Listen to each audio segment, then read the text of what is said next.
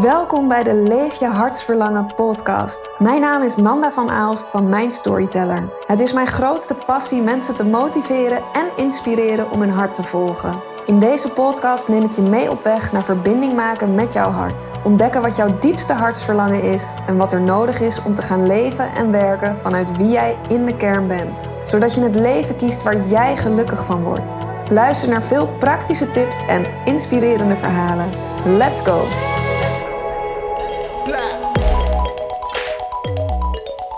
Hey, wat leuk dat je luistert naar de Leef je hartsverlangen podcast. Vandaag heb ik een heel leuk gesprek voor je klaarstaan met Anne Nijnens. Zij is hypnosecoach. Je denkt misschien bij hypnose aan allerlei gekke dingen, zoals dat je als een kakelende kip rond gaat lopen of dat je dingen gaat doen of zeggen die je helemaal niet wilt. Ik moest zelf ook heel even denken aan een fantastische scène uit de serie Working Moms op Netflix, waarin een van de hoofdpersonages door haar ex gehypnotiseerd wordt. En hij vervolgens dus ook op haar inpraat over hoe heerlijk het is om te roken. En wat een fantastische relatie zij toch hadden. Omdat hij weet dat haar huidige man een hekel heeft aan roken. En zo natuurlijk hoopt die relatie te kunnen verbreken. Nou, dat is Hollywood hypnose. En dus niet wat Anne doet als hypnosecoach. En ook niet waar wij het over gaan hebben. In dit gesprek duiken wij de diepte in over wat hypnose voor jou als ondernemer kan betekenen. Hoe jij als ondernemer bepaalde angsten of belemmerende overtuigingen door middel van hypnose op kan lossen. Zodat je in je kracht gaat staan, zelfverzekerder in je business wordt en gaat groeien. Anne deelt ook haar eigen verhaal over hoe zij ooit zelf met allerlei angsten worstelde en wat hypnose daarin voor haar heeft betekend. Ik zou zeggen, geniet van dit gesprek. Geniet van Anne haar energie, haar kennis en laat je betoveren.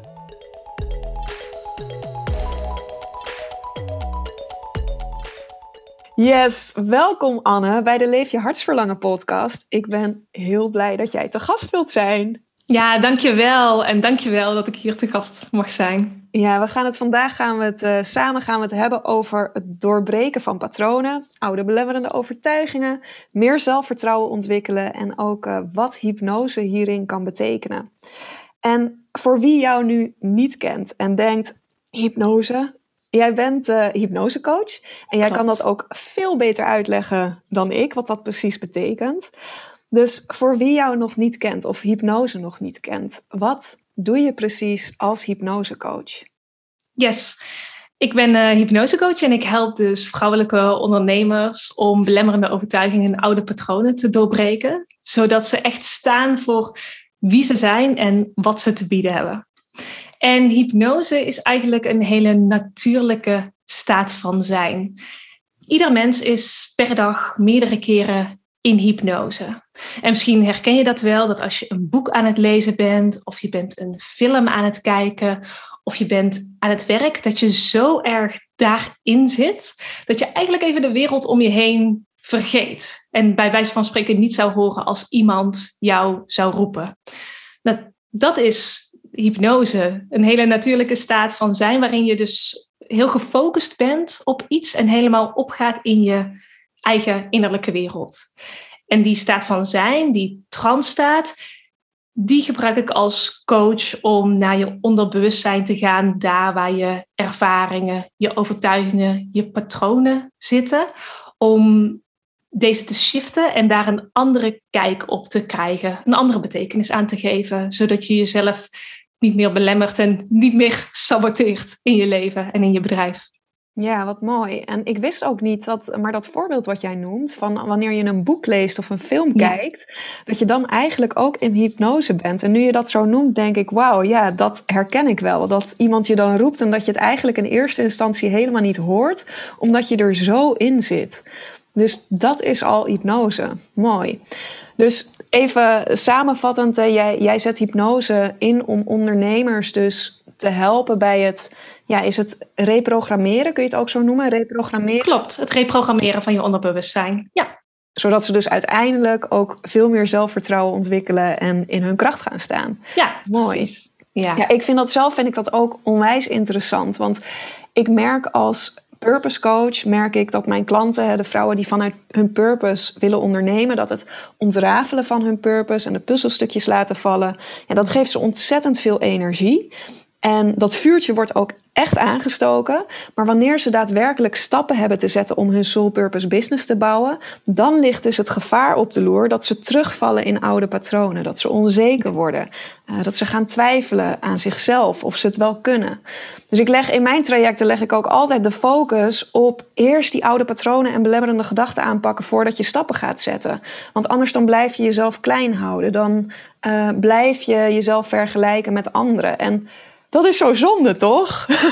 ja, super zonde. En ik ben zelf al twaalf jaar ondernemer en ik ja, heb dat zelf ook gemerkt. Dat uh, ja, juist als je bijvoorbeeld aan je strategie gaat werken, aan je marketing gaat werken, dat zijn hele mooie stappen in je business. Maar als je je mentale blokkades niet oplost, niet aanpakt, dan blijf je constant in een visuele cirkel zitten. En dan blijf je jezelf constant, uh, of het nou bewust is of onbewust, maar saboteren om groter te groeien met je bedrijf. Dus dat is eigenlijk het eerste punt om echt aan te pakken, om mee aan de slag te gaan. Ja.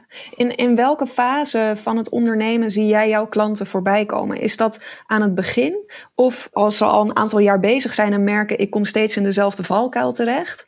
Ja, eigenlijk allebei. Ja. Ik help ondernemers die sowieso, sowieso ja, zowel zijn gestart eigenlijk, net als ondernemer.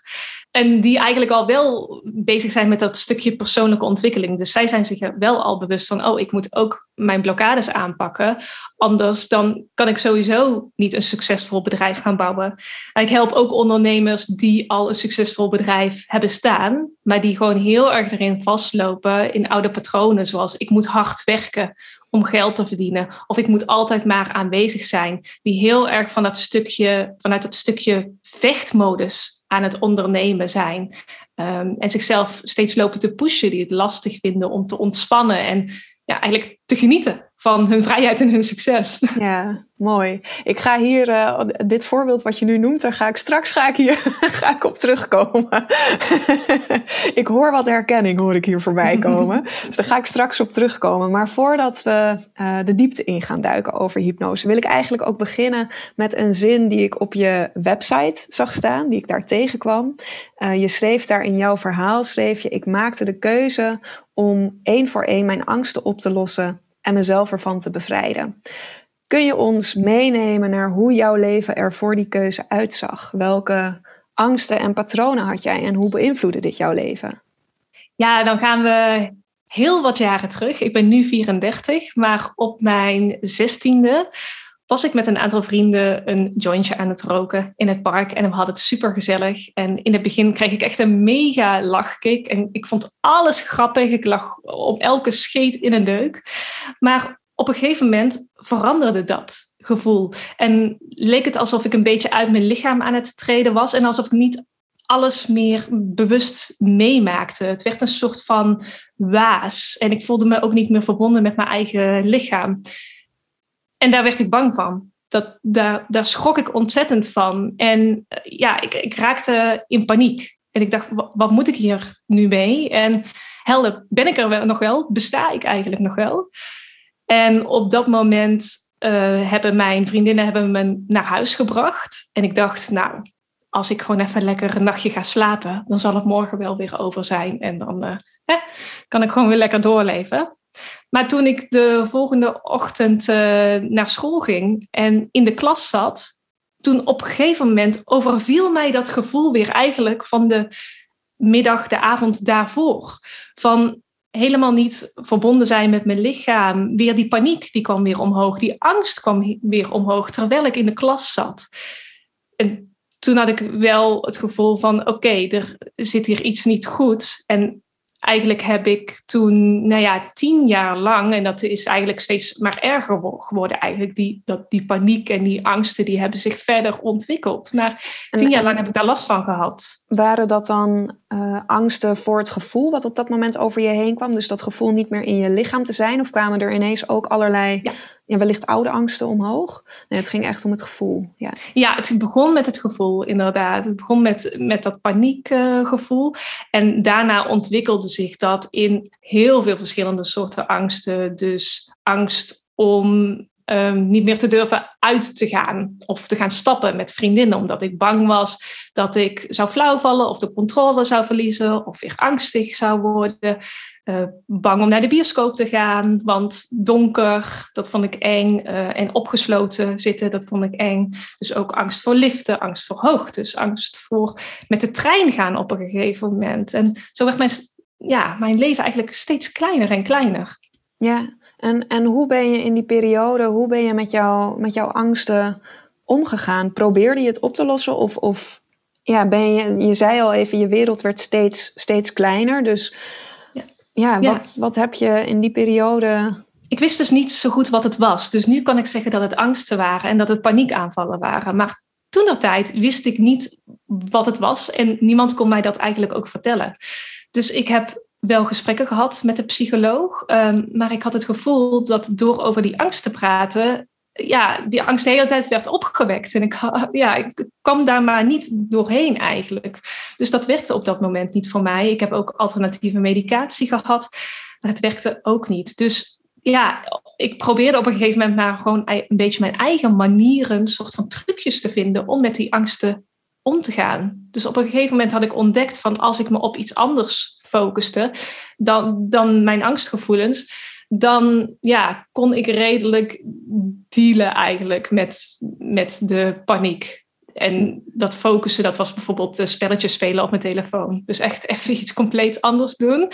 Dan, maar dat was eigenlijk wel een soort van onderdrukking. Ja. En, en als het dan echt helemaal misging, dan was mijn moeder eigenlijk de enige die mij kon helpen. Wauw, ja. ja. dus inderdaad ook jezelf proberen af te leiden om ook maar niet te voelen en te, en te denken. Ja, waardoor het eigenlijk steeds erger werd. Omdat je het dan gewoon steeds blijft onderdrukken van het is er niet, ik voel het niet.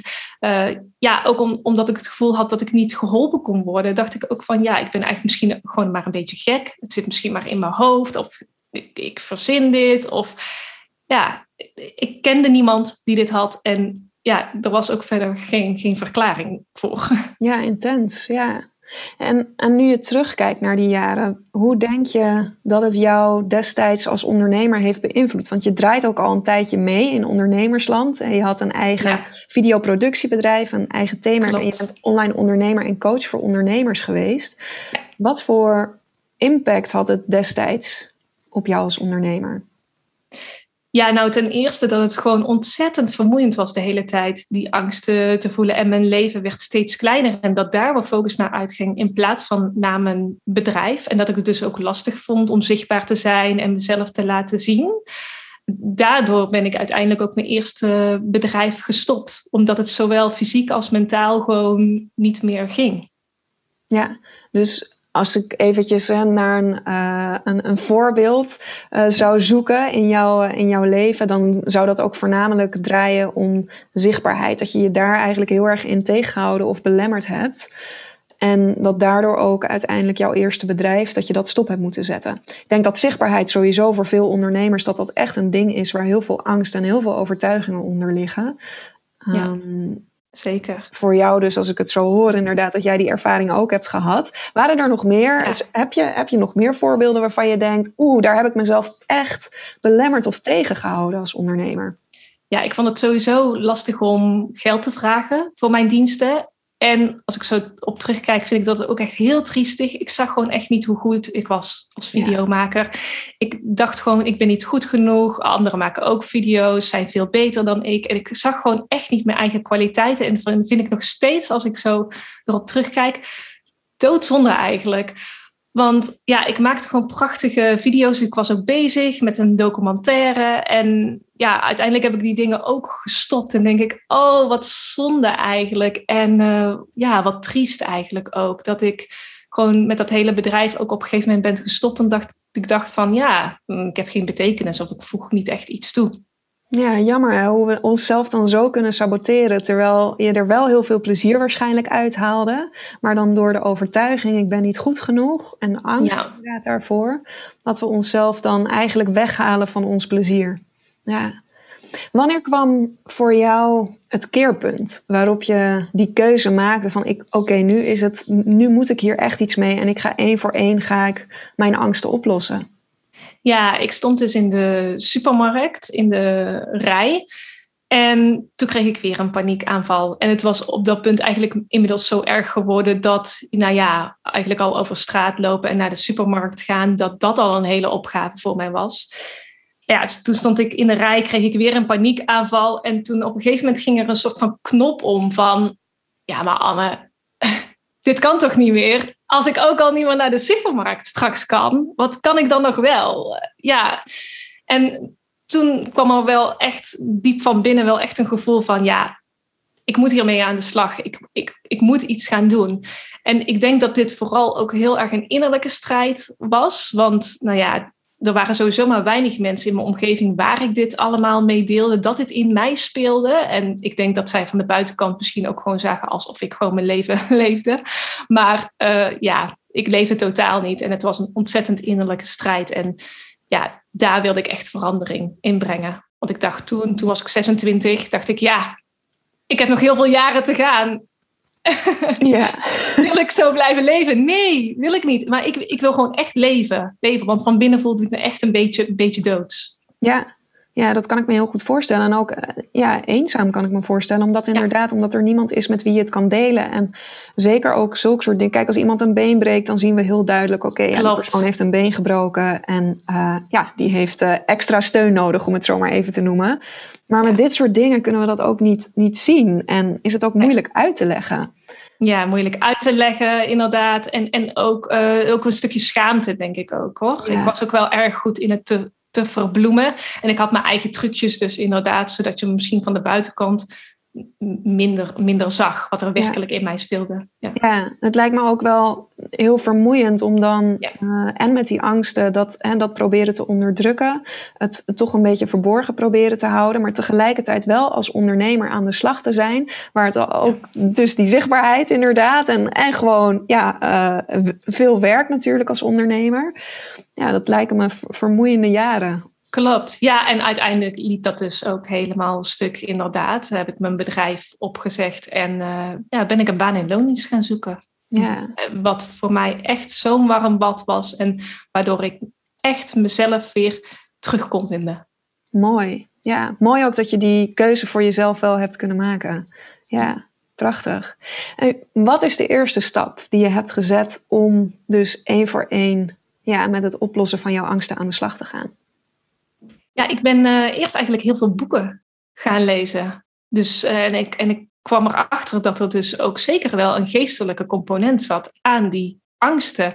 En dat ik mezelf als het ware had gereprogrammeerd om angstig te zijn.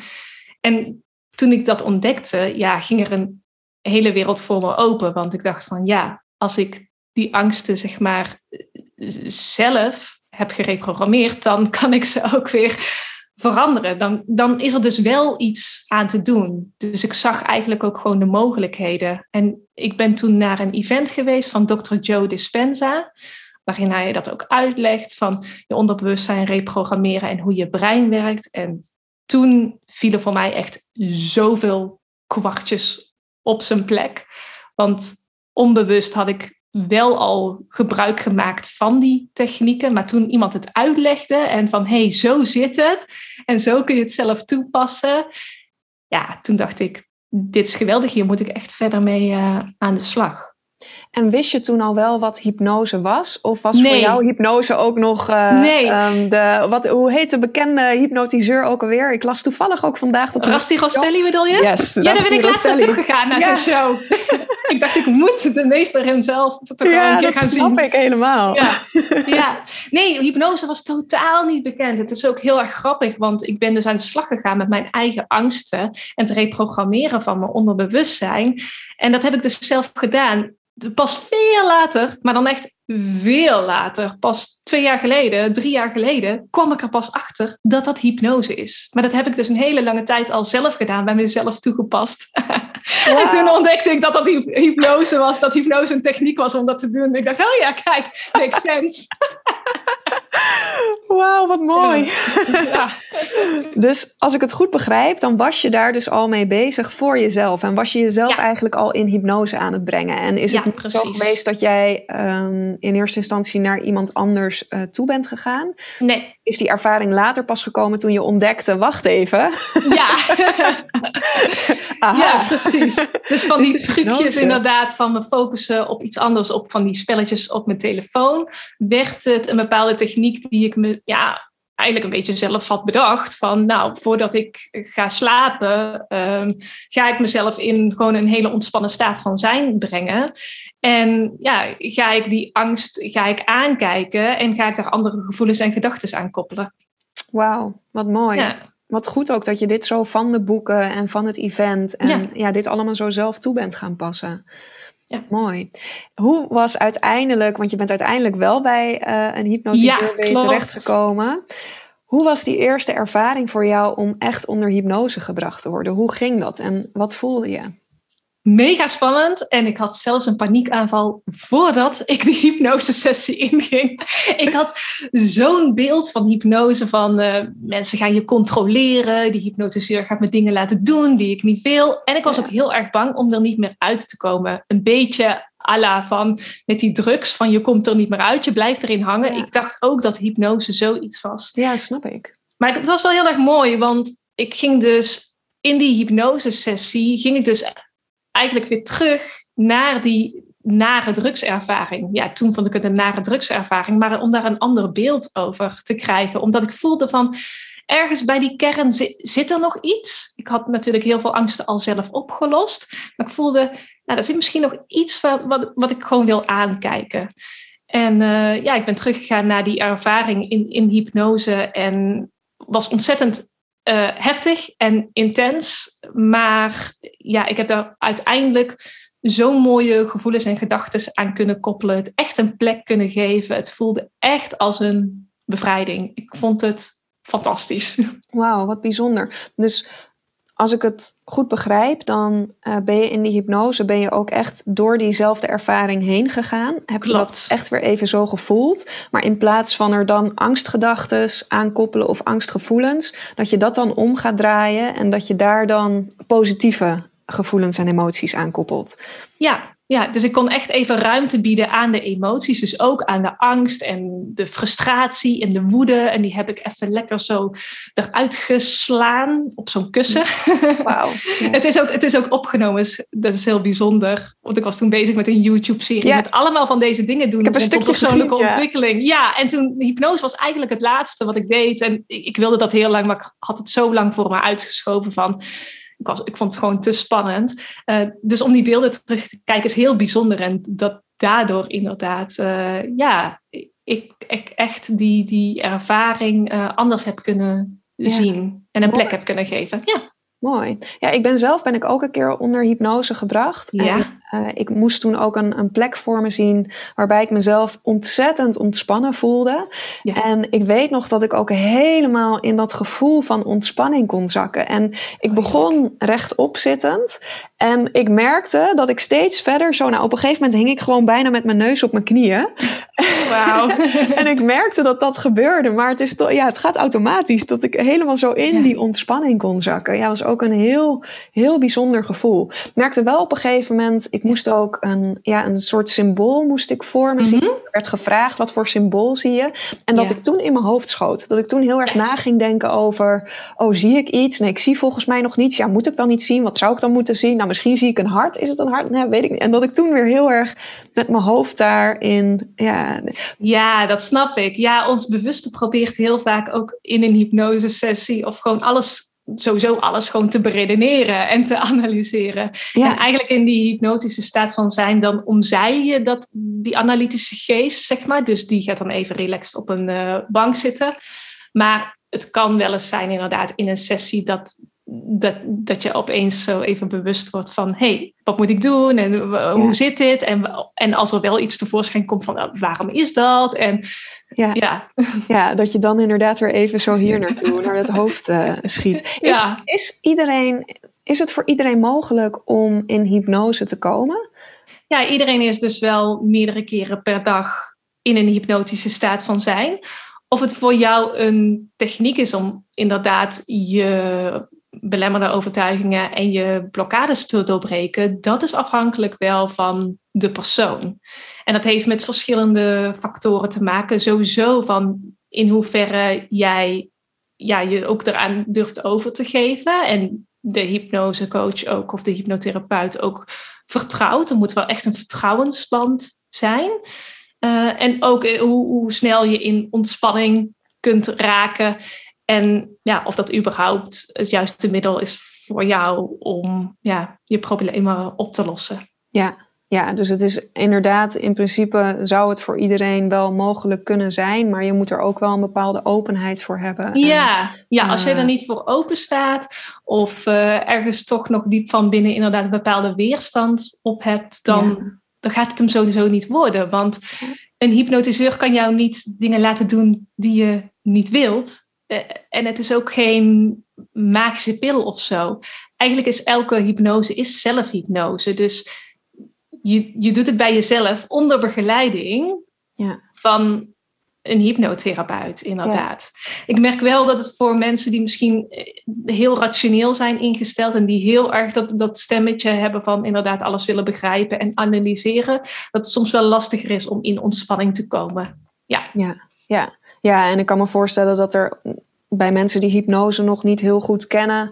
Jij zei net even heel mooi, ja, je, je gaat niks doen wat je niet wil. Maar we hebben natuurlijk vanuit films en dergelijke hebben we natuurlijk de beelden van hypnose dat je als een soort kakelende kip door de, door de kamer gaat lopen. Ja, inderdaad. ja. ja. Wat het bij hypnose is, is dus dat als je in die uh, hypnotische staat van zijn bent, dat je dan veel ontvankelijker bent voor suggesties die worden gegeven. En nou is dat als zo'n toneelhypnotiseur, zoals Rasti Rostelli, die dan zegt van, hé, hey, je hebt een citroen, uh, je gaat deze citroen eten en het lijkt alsof het een perzik is en het is heel zoet. Dat is een bepaalde suggestie die hij je dan geeft. En daarom denken we inderdaad van: oké, als je in hypnose wordt gebracht, dan ga je als een kakelende kip rondlopen maar ja, goed, in een hypnosesessie geef ik zelf suggesties die jou helpen om meer vertrouwen in jezelf en in je bedrijf te ervaren. Ja, ja, en ik kan me echt heel goed voorstellen dat dat zo krachtig kan zijn.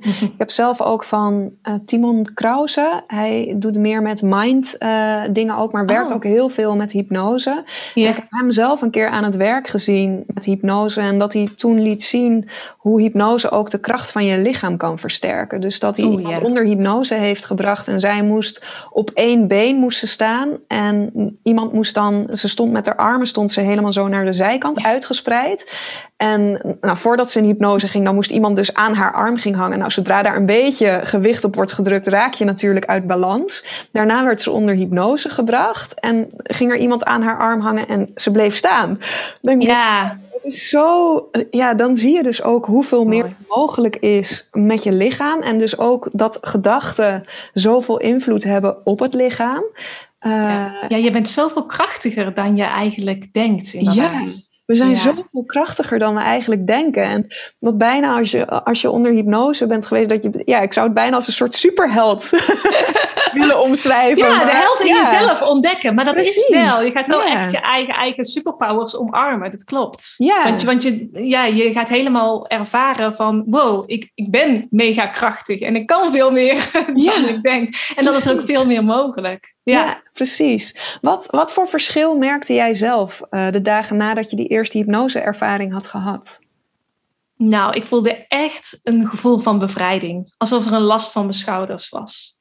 Ja, het voelde heel licht. En ja, ik denk dat het gewoon nog voor mij gewoon echt dat laatste ding was om volledig weer te kunnen leven. Ja, ja dus eigenlijk al in één zo'n sessie dat je dat al kan bereiken.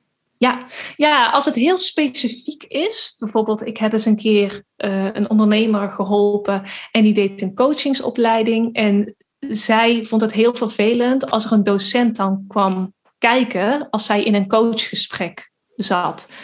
Uh, en dan, dan ging zij op een andere manier coachen en, en voelde zij zich veel uh, ja, veel meer onzeker daarover en over haar eigen coachingskwaliteiten. Dat is een, iets, iets heel specifieks eigenlijk. En dat hebben we eigenlijk in, in één sessie hebben we dat weten te shiften. Zodat zij gewoon het vertrouwen in zichzelf heeft in een coachingsgesprek. Of er nou iemand komt kijken of niet. Maar dat zij gewoon bij zichzelf kan blijven en gewoon de coach kan zijn die ze is. Ja, wat mooi. Ja, heel mooi. Hoeveel sessies uh, ben jij gemiddeld ongeveer bezig met uh, jouw klanten? Ja, meestal drie sessies. Ja. Kijk, dus dit is echt een, was net een heel specifiek voorbeeld. Maar als je het hebt bijvoorbeeld over het doorbreken van money mindset blokkades, daar zijn altijd wel diepere lagen in. Dus dan, ja, meestal drie sessies. Dan uh, ja, kunnen wij die lagen ook allemaal gaan ontdekken en gaan aanraken. Ja, wauw. Maar kun je nagaan, eigenlijk wekenlang naar een uh, psycholoog gaan? Even bij wijze van spreken. Niks mm. ten nadele van psychologen natuurlijk, want dat is ook heel waardevol werk. Maar ja, dat dat toch een veel snellere stap kan zijn als hypnose iets voor jou is, om toch bepaalde blokkades te doorbreken en van bepaalde angsten af te komen. Dan wekenlang inderdaad in gesprek over een bepaalde blokkade of over een bepaalde angst. Ja, klopt. Ja, ik heb zelf inderdaad ook natuurlijk uh, bij een psycholoog gelopen en ook verschillende andere dingen gedaan uh, rondom deze angsten. Maar ja, hypnose, en dat is natuurlijk denk ik ook gewoon omdat ik nu hypnosecoach ben, maar ja, is voor mij in ieder geval wel het, meest werkende, het eh, meest effectieve uh, daarin geweest.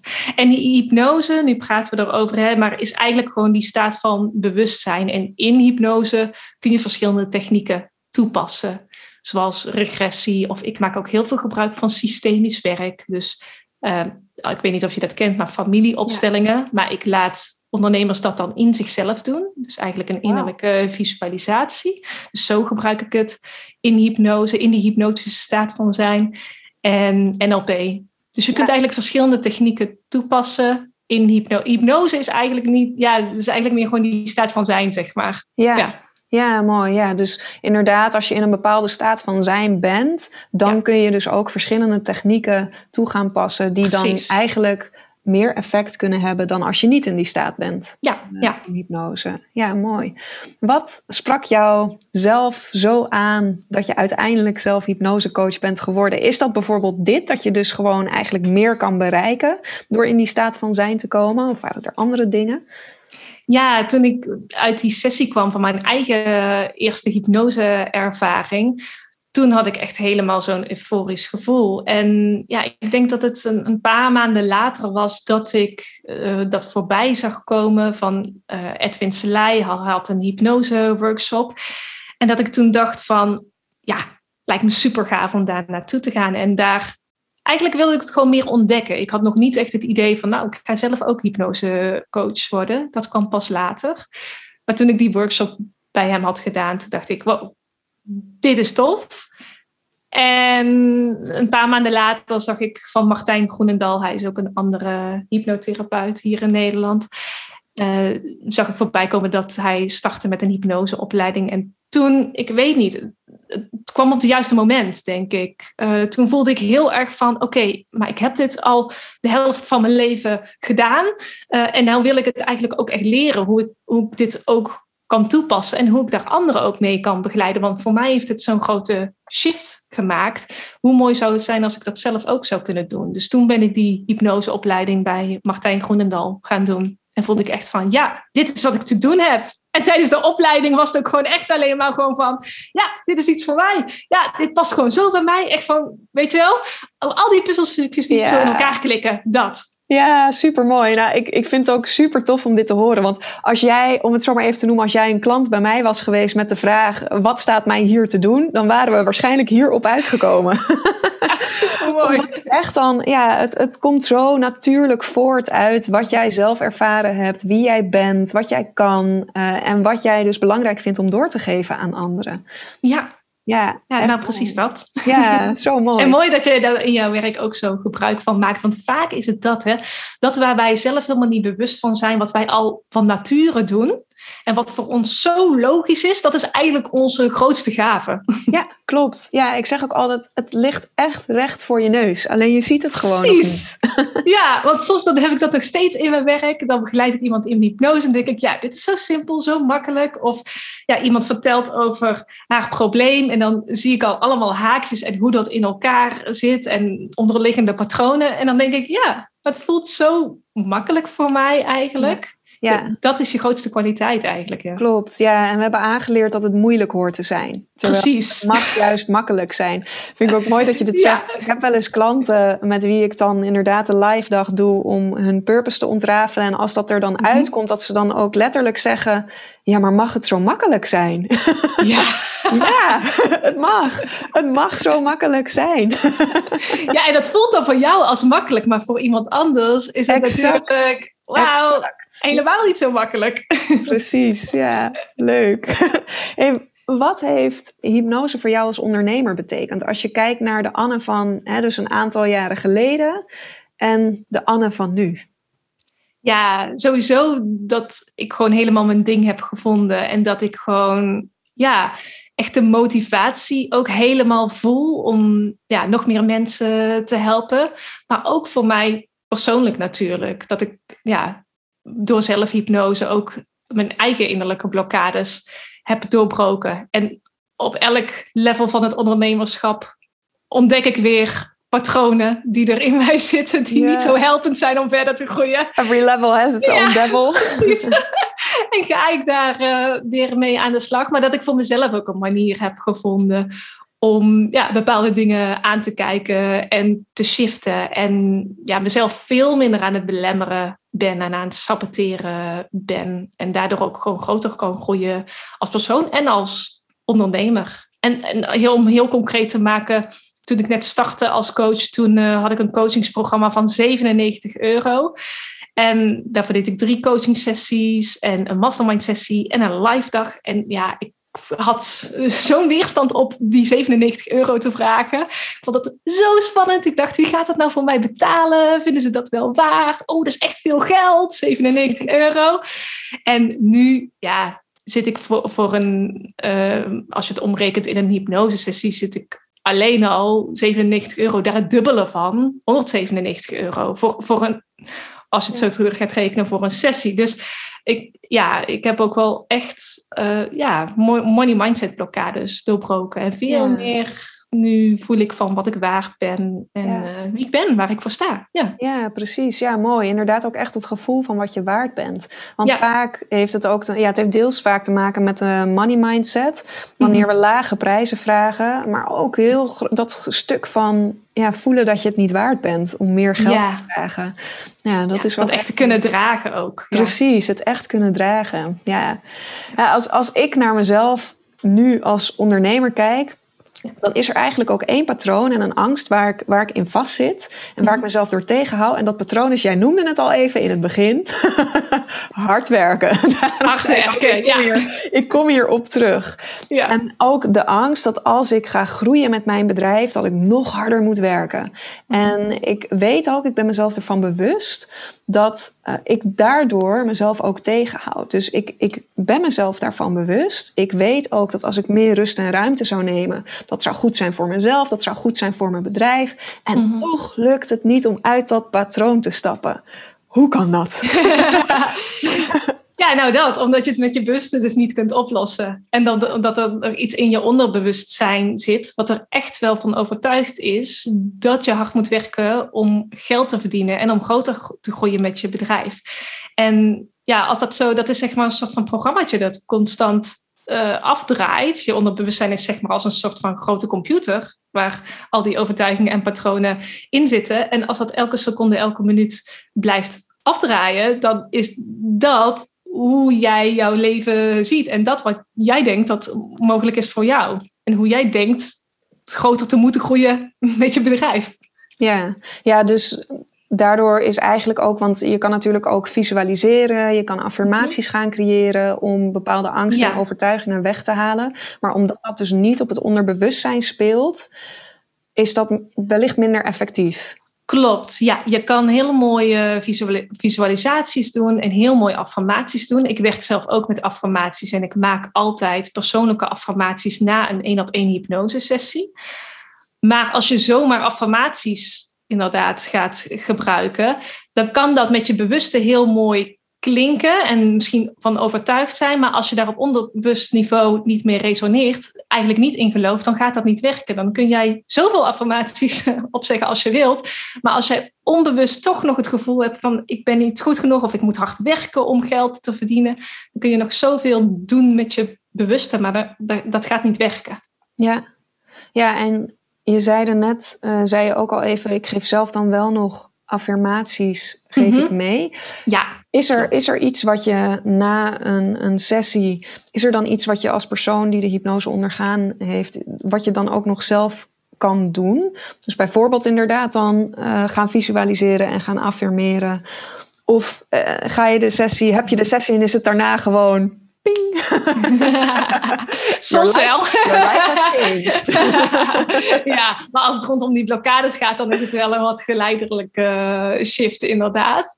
Uh, nou ja, goed, de affirmaties die kunnen ze dan, want die komt echt vanuit, vanuit hunzelf, vanuit hun onderbewustzijn. Dus die kunnen ze gaan herhalen, omdat het ook ja, op diep niveau met hen resoneert. En daarnaast, ja, do, doen is ook wel een ding. Dus wel echt in actie komen. Dus als ja. jij bijvoorbeeld een bepaalde weerstand had op uh, prijzen verhogen, dan ga je na die sessie wel echt je prijzen verhogen. Dus ook een stukje doen en het te integreren in je leven en in je bedrijf. Dat, dat versterkt het eigenlijk alleen maar. Ja, mooi. Ja, en dan dus eigenlijk... Ik kan me heel goed voorstellen ja. dat als je, daar, als je daarvoor al aan de slag bent geweest met affirmaties en visualiseren... en vervolgens heb je een hypnosesessie en je gaat daarna weer aan de slag met affirmaties en visualiseren... Precies. dat je dan ook het verschil kan merken. Ja. Omdat je dan waarschijnlijk merkt dat je er anders in zit qua gevoel. Ja, en omdat je dan dat beeld wat je bijvoorbeeld visualiseert ook echt gelooft. Ja. Ook echt gelooft dat het mogelijk is voor jou. Dat, dat is heel belangrijk. Ja, ja, ja, en ik herken ook wel inderdaad dat, dat geloven. Want ik doe zelf ook aan visualiseren, aan een affirmeren. En ik betrap me inderdaad echt nog wel eens op. Ik kan, het, ik kan het mooi visualiseren en ik kan het heel goed voor mezelf affirmeren. Maar mijn gevoel gaat niet altijd 100% mee.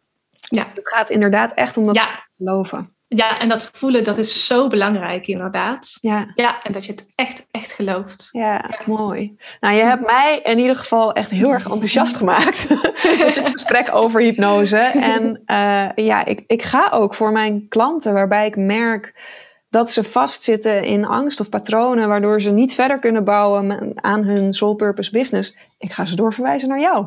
Ja, mooi. misschien, misschien moet ik het ook eerst zelf gaan ervaren natuurlijk, hè, want dan weet ik ook beter wat ze kunnen verwachten. Maar ja. wat ja. zou jij aan mensen die, die twijfelen over, over wel of niet uh, eens een keer hypnose proberen, of wellicht misschien angst hebben voor wel of niet hypnose proberen, uh, wat zou je daar tegen willen zeggen? Ja, sowieso um, er wel een bepaalde nieuwsgierigheid zijn, zeg maar. Dus ik, ik zelf, voordat ik al zelf mijn allereerste hypnosesessie deed, was ik ook hartstikke bang. Maar er zat wel een bepaalde nieuwsgierigheid in. En ik denk dat dat wel belangrijk is, dat je er in ieder geval voor open staat. Voor open staat om het te proberen en te kijken of het voor jou werkt. En dat kan heel laagdrempelig. Je kan inderdaad een één op één sessie doen, maar je kan ook een hypnose audio beluisteren op YouTube. Vind je er genoeg. En ik heb er zelf ook gratis hypnose audio's op mijn website staan en die kun je beluisteren. Dus, dus dat is eigenlijk een hele fijne manier om heel laagdrempelig daarmee in aanraking te komen. Ja, mooi. Ik zal hem ook in de show notes zet ik hem erbij. Dus oh, als, je ja. als, je luistert, um, de, de gratis audio uh, oh, ja. staat ook in de show notes van Anne. Want dan kun je inderdaad, ja. dan kun je er eens kennis mee maken. En ja, precies. En, en, het is echt niet meteen dat in die audio, audio zo van hoppa, kom, we gaan terug naar het verleden en terug naar uh, je gezin en wat er allemaal is gebeurd. En uh, nee, nee, nee. Dat, is, dat, is, dat komt echt in de sessies of in een hypnose audio training die ik heb. Weet je wel? Dus het ja. kan echt op een hele laagdrempelige manier. En als je wel aan de slag wil met een hypnosecoach of hypnotherapeut, dan is het denk ik wel heel belangrijk dat je een bepaalde klik met iemand hebt. Dat je iemand ja. Echt vertrouwt en dat je echt ja, even muurtjes omlaag. Dat je gewoon helemaal jezelf durft te zijn. Met al je mooie en al je minder mooie dingen. Dat je helemaal open durft te zijn. Ja, ja, kan ik me heel goed voorstellen. Dat je inderdaad kwetsbaar durft te zijn en durft te vertellen wat er omhoog komt. En uh, ja, waar je ook natuurlijk aan wil gaan werken tijdens de, tijdens de hypnose. Mooi. Nou, ik heb jouw gratis uh, audio heb ik inderdaad ook gedaan met de hypnose. En ik kan je vertellen, lieve luisteraar, ik ben gewoon heel rustig op de bank blijven liggen. Ja, toch? Ja, is gebeurd. Het was heel mooi en heel ontspannen. Ja, precies. En het is een, een leuke techniek daarin, uh, die ik zelf ook regelmatig gebruik als je voelt dat je door een bepaald plafond weer heen mag ja. kijken. Ja, leuk, mooi. Ja. En over dat stukje hard werken om ja. geld te verdienen. Vind je het leuk als ik daar nog even iets kort over deel? Wat ik zelf eh, Zeker. merk bij coaches die ik daarin begeleid. Ja, ja. Ja, wat ik zelf dus uh, merk is dat deze ondernemers vaak, en dat komt vaak vanuit het uh, gezin van herkomst, een bepaalde mm, zorgrol op zich hebben genomen. Dus misschien hebben zij zorg gedragen voor een van hun ouders, of zijn zij de oudste in hun gezin, of hebben zij heel erg zichzelf soort van moeten bewijzen om hun eigen plekje zeg maar uh, in te nemen. En dat is een bepaalde dynamiek die ik dan ook vaak weer terugzie in het bedrijf. Je bedrijf is ook een systeem. En heel vaak zie ik dat echt gelinkt aan het systeem van herkomst. Dus een stukje hard werken om geld te verdienen. Ook vaak een bepaalde verantwoordelijkheid voelen voor klanten. Dat zie ik heel erg daarin terugkomen. Als wel natuurlijk ook bepaalde overtuigingen die vanuit generaties gewoon zijn meegenomen, zijn doorgegeven. Nog niet eens vaak bewust of zo. Of dat dat dan werd gezegd, ja, je moet hard werken om geld te verdienen. Kan wel, maar kan ook heel onbewust zijn. Want natuurlijk onze ouders en voorouders, ja, die, die hebben ook een heel ander leven gehad. En ook een heel ander idee over werken en hoe je je geld verdient. En ik merk vaak bij ondernemers dat daar een bepaalde ja, loyaliteit aan zit. Van hoe ouders of grootouders geld hebben verdiend. En ook een stukje loyaliteit naar hun succes. Dus wat ik zelf merk en ik zelf ook heb ervaren, is dat op het moment dat je meer gaat verdienen dan je ouders, dan zit, er, dan zit er vaak een hele grote blokkade om, om zeg maar ja, meer te gaan verdienen en vaak ook op een andere manier ja. te gaan verdienen. En, en is dat dan een blokkade wanneer je meer gaat verdienen dan je ouders? Is dat dan ook een blokkade die te maken heeft met wellicht schuldgevoelens? Of, Ja, het is dus een bepaalde loyaliteit eh, van naar, naar je ouders ja. toe. Om, om het aan te pakken op een manier zoals zij dat wellicht ook doen. Om, Ja. Onbewust vaak. Hè? Eh, en om een bepaald bedrag inderdaad te verdienen. Ja, En ja, dat, dat kan inderdaad een stukje schuld inderdaad naar, naar boven komen. Ja, ja. ja, maar interessant wat je omschrijft, dat het heel vaak inderdaad is terug te koppelen aan het familiesysteem of inderdaad nog hè, de, de, de voorouders. Ik geloof inderdaad ook 100% dat ja, alle, hoe onze voorouders zijn, hoe zij hun leven hebben geleefd, ja, dat heeft weer invloed op uh, de, de ouders van onze ouders, heeft weer invloed Ja. op onze ouders, heeft weer invloed op ons. Nou ja, het, uh, het, de familie Fontijn, om het zo maar uh, ja te precies. noemen, inderdaad. Ja. Die ken je vast ook wel. Ja. Dus ja, ik kan me heel goed voorstellen dat daar, dat daar stukjes zitten. En dat dat dus ook, Hm. juist omdat je bij die voorouders kun je niet zo goed komen met je bewustzijn. Ja. Maar dat je daar wel met je onderbewustzijn heel goed bij kan komen bij dat stuk. Ja, ja, klopt. Dus daar werk ik inderdaad in sessies en daar heb ik ook een specifieke hypnose-audio rondom. Dat je echt gaat kijken naar je mannenlijn en je vrouwenlijn. En wat jij wil laten bij de vrouwenlijn, wat van, wat van hen is. En wat jij mee wil nemen. Dus, en dat is hetzelfde eigenlijk ook als bij de vrouwenlijn, bij de mannen en de vrouwenlijn, allebei. Want heel vaak wordt er gezegd van, ja, ik wil dit deel niet van mijn familie. Dit, een soort van afkeer van, ja, dit mag er, dit mag er niet zijn. Um, ik, vind, ik, vind, ik vind dat zonde, want er zijn ook zoveel mooie dingen eigenlijk uit je familie en uh, mooie kwaliteiten die je misschien nog niet benut en die je eigenlijk kan meenemen. Dus er zijn bepaalde dingen die je los mag laten, die niet van jou zijn en die je ook niet verder helpen in je groei als ondernemer. Maar je mag ook dat stukje eren wat jou wel verder helpt en wat jou ondersteunt. Ja, en ik denk dat daar soms ook wel in zit. Hè, dat harde werken heeft je soms ook. Mhm. Als ik dan kijk naar mezelf, dan denk ik ja.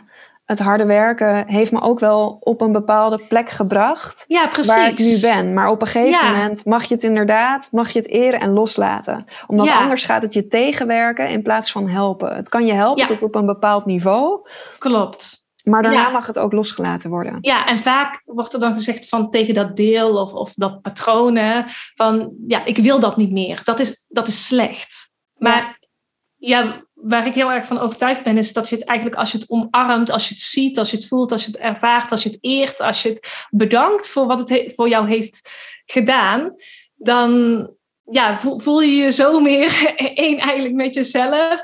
En kun je dat, dat deel of dat patroon ook gaan inzetten op de momenten dat, dat je het nodig hebt. Maar niet dat het je leven leidt, zeg maar. Wel dat jij zelf de leider bent. Maar eh, ja, gewoon dat stukje, dat, dat deel van je omarmen. En dat het ook oké is. En Ja. ja, dat het je heeft geholpen. Ja, mooi. Is, Ja. het, is het iets wat je veel terug hoort komen bij ondernemers, dit stuk? Want Ja. je noemt het natuurlijk ook. Ja, dus Ontzettend veel. En ook bij mezelf. Ja, Zeker. ja, Ja, joh, ik loop zelf ook nog regelmatig tegen dingen aan, inderdaad. En vooral als je dan, dan, dan groter gaat groeien met je bedrijf, dan, eh, ja, dan eh, loop je tegen blokkades aan, inderdaad. ja. Het is soms ook zo mooi, inderdaad, als je dan een sessie hebt met eh, een van je klanten, dat je, je helpt iemand, maar tegelijkertijd word je zelf ook geholpen. Want je gaat zelf ook mee in hypnose. Je doet zelf ook mooie nieuwe inzichten op. Dus het is eh, daarin echt een hele mooie samenwerking. Ja. Klopt, oh, dat vind ik zo leuk dat je dit zegt. Want ik heb inderdaad ook als mijn, mijn klanten in mijn traject met hun angsten en overtuigingen aan de slag gaan. Nou ja, Mhm. daar krijgen ze ook bepaalde opdrachten voor. En soms, ik lees hun antwoorden ook allemaal en spreek daarover. En wat zij dan soms met mij delen, dat, dat brengt bij mij dan ook een gevoel omhoog dat ik denk, nou ja, dit moet ik Maar ook, echt, dit hè? moet ik ook gaan doen. Of wat goed dat zij dat op deze manier gedaan heeft. Dat ga ik ook zo aanpakken. ja. Ja. mijn klanten zijn mijn grootste inspiratiebronnen. Ja. Echt waar. Ik ben zo dankbaar voor alle ondernemers waar ik eh, mee kan werken. En waar ik ook zelf weer van kan leren. Iedereen kan van elkaar leren. Iedereen kan elkaar helpen op welk level van ondernemerschap je ook zit. Precies, ja, da- daar geloof ik ook heel sterk in. En dat daar, ehm, ja, ik hou ook helemaal niet van, ik omschrijf het wel eens van, eh, hey, je hebt bepaalde ondernemers en dat is ook helemaal oké, want daar ligt waarschijnlijk hun kracht, maar die echt op die top van die berg gaan staan en alleen maar naar beneden kijken, om het zo maar even te noemen. Terwijl, Ja. ja, ja ik hou heel erg van het samen rugzakje op en de berg gaan Ja. beklimmen. Ja, zeker. En daarin is het wel belangrijk om jouw rol als, als leider of als coach, zeg maar, wel echt in te nemen. Precies. Dus inderdaad, in een hypnosesessie of in een traject ben ik wel echt de leider en ik, ik leid je er doorheen. Maar ja, je, je kunt er net zo goed voor elkaar zijn en van elkaar leren. Ik Ja. vind dat eigenlijk dus het mooiste uit mijn werk, dat ik ook weer word geïnspireerd door de ondernemers waar ik weer mee werk. Ja, fantastisch inderdaad. Ja, Ja. super mooi. Ja, leuk ook om dit allemaal zo over hypnose te leren. Want ik moet eerlijk zeggen dat voor mij was hypnose, ondanks dat ik eh, het wel al een keer ondergaan Mhm. heb en dat ik het al een keer echt gezien heb bij wat het dan met Ja. het lichaam ook allemaal kan doen, is het toch nog wel redelijk nieuw ook voor me. Dus ik vind het heel leuk om in het Ja. gesprek met jou hierin te duiken. En vooral Ja. ook voor ondernemers te horen wat het kan betekenen. Wat voor verschil het eh, kan maken. Dus dank je wel ook voor het delen van jouw kennis en inspiratie hierover. Ja, en dank je wel ook dat je deze ruimte geeft. En dank je wel ook voor je mooie vragen. Ja, Ja, graag gedaan. Nou, ik heb er nog een aantal voor je.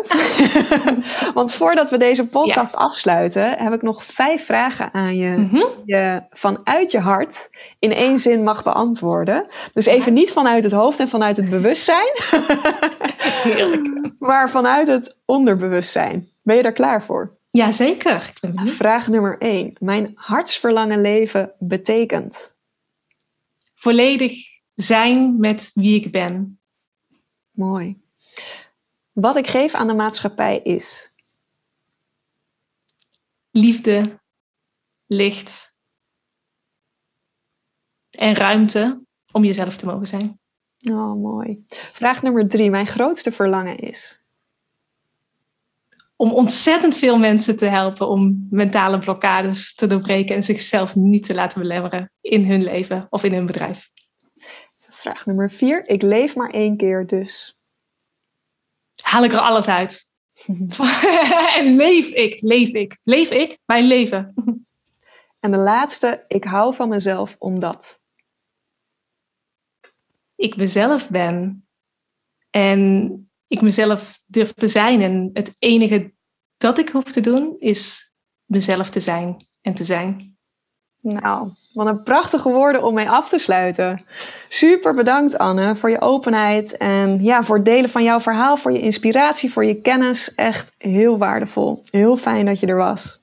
Ja, jij ook ontzettend bedankt voor je mooie vragen en de ruimte die je hebt geboden. Yes. het was geweldig om met jou in gesprek te gaan. Nou, graag gedaan. Leuk, dankjewel.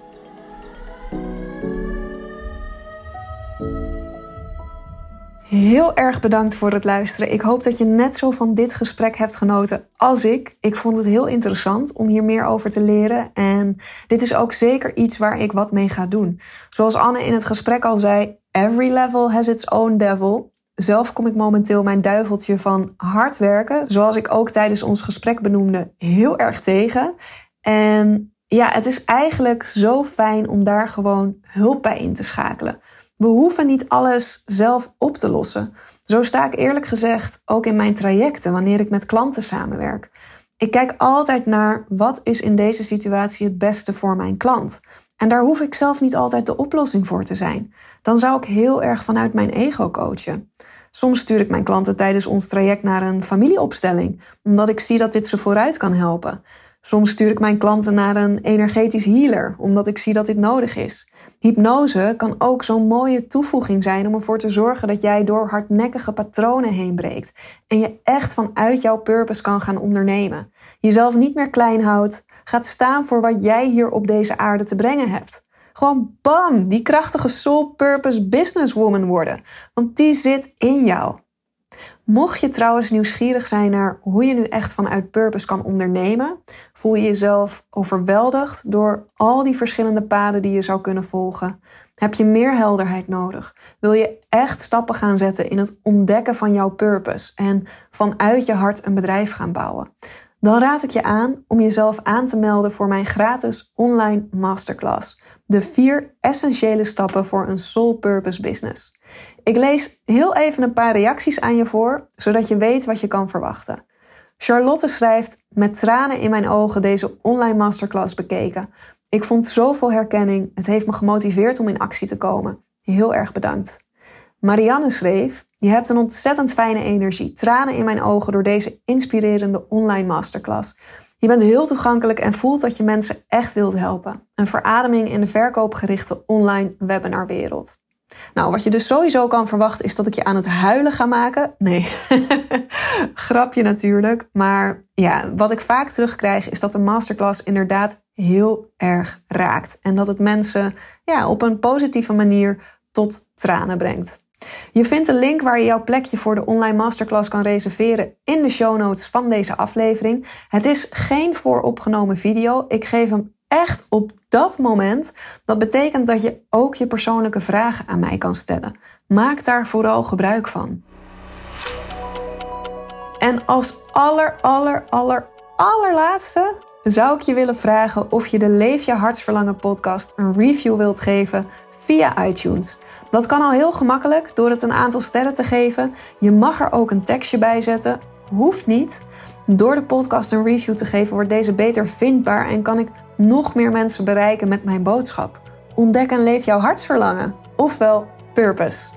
Dankjewel voor het luisteren en heb een fijne dag.